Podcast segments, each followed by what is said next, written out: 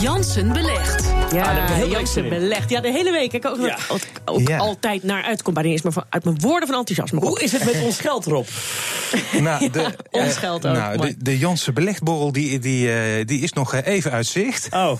Eh, maar het verlies, eh, de minnetjes lopen terug. En we hebben natuurlijk, ik heb twee onderdelen. Mijn, pak, mijn, beleggingen bestaan nog steeds uit twee onderdelen. Merendeel overigens gewoon cash. Meer dan 7000 euro van de 10.000 die ik beleg, is nog steeds cash. En een deel is een eh, tracker, eh, dus een, eh, een ETF heet dat formeel. Dat is zeg maar een mandje aandelen van de 100 grootste Europese bedrijven. Staat nipt onder eh, het eh, eh, onder niveau van aanschaf. En daarnaast heb ik die, ETF is van, van Think en het beleggingsfonds en obligaties waar ik in beleg. Dat is van NN de verzekeraar. Ehm, en die belegt wereldwijd in staatsobligaties en ook van eh, grote Europese bedrijven. En ze staan allebei. Dus beide categorieën, zowel de aandelen als de obligaties, ligt eh, eh, onder het, niveau van aanschaf. Maar het gaat ligt, nu om Rob?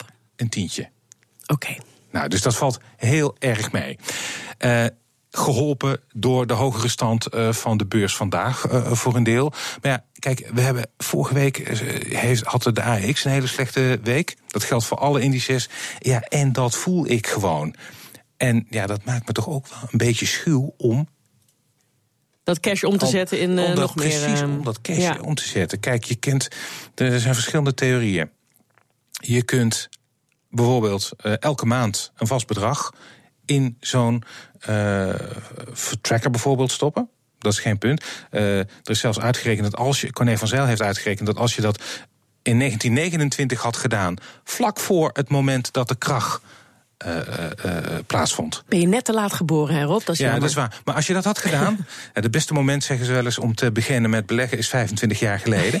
Maar als je dat toen had gedaan en steeds elke maand gewoon in die SP 500 had belegd, had je altijd nog. Tot op de dag van vandaag een positief rendement van 3,1% gehaald. Dat is niet veel, maar nog altijd, want het is eigenlijk het slechtste moment. Maak je dat ooit nog goed? Ja, dat maak je goed als je steeds eh, eh, daarin belegt. Maar ja, goed, je hebt altijd de vraag: wat ga je doen? Je kan in die SP 500 beleggen. Ik beleg in Europese aandelen. Je kunt eh, wereldwijd beleggen. Ehm, dus die keuzes die blijven toch bestaan.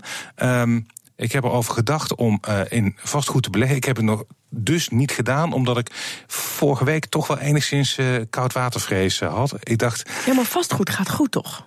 vastgoed gaat goed, maar heeft ook wel al een hele rit gemaakt. Ehm, mijn punt is, wat ik. Er zijn twee dingen.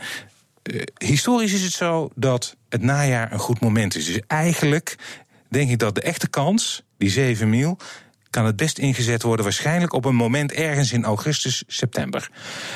Ehm, Hebben we die tijd erop? Dat is de vraag. ja, hebben we die tijd? Ehm, ja, ja, de, de, kijk, de tijd heb je wel, maar ik, ik, ik, aan de ene kant wil ik wel, maar aan de andere kant. eh, ik, ik denk wel dat eh, er nog eh, een verdere daling in zit. Niet alleen omdat dat.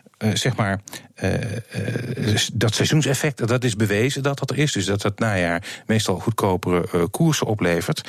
Maar ehm, eh, eh, het is. ehm, God. Ik, ja, ik, ik, ik, ik, ik moet gewoon even wachten, denk ik, om, eh, eh, om eh, lagere koersen te hebben. En ehm, ik, eh, ik, ik. Je stelt het even uit, maar, maar eh, eh, dan moet je het dan wel cash houden, die 7000. K- Kan die 7 mil niet, niet in een soort van gegarandeerd. eh, iets waar je gegarandeerd rendement op hebt, eh, gestopt Nou, eh, nou, Ja, zo'n lekker weduwefonds of zo. Ja, je kan wel, je kan wel in, eh, eh, in, in gegarandeerde producten. Je hebt bijvoorbeeld een product dat de SP 500 volgt, waarbij je zeker eh, na een verloop van tijd je geld terugkrijgt. Ehm, maar. eh, Dan kun je niet een maandje doen, zeker. Nee, dat, dat, dat, daar komt ook wel weer timing. eh, dat, dat heeft ook een bepaald koersverloop. Dus ehm, eh, aan het eind van de rit krijg je je geld zeker terug. Of nog heb je nog, eh, zoals dat heet, upside potential. Dus groeit dat mee. Maar dat is, ehm, ik wil juist op dat moment eh, eh, klaar zijn eh, eh, om in te kunnen stappen.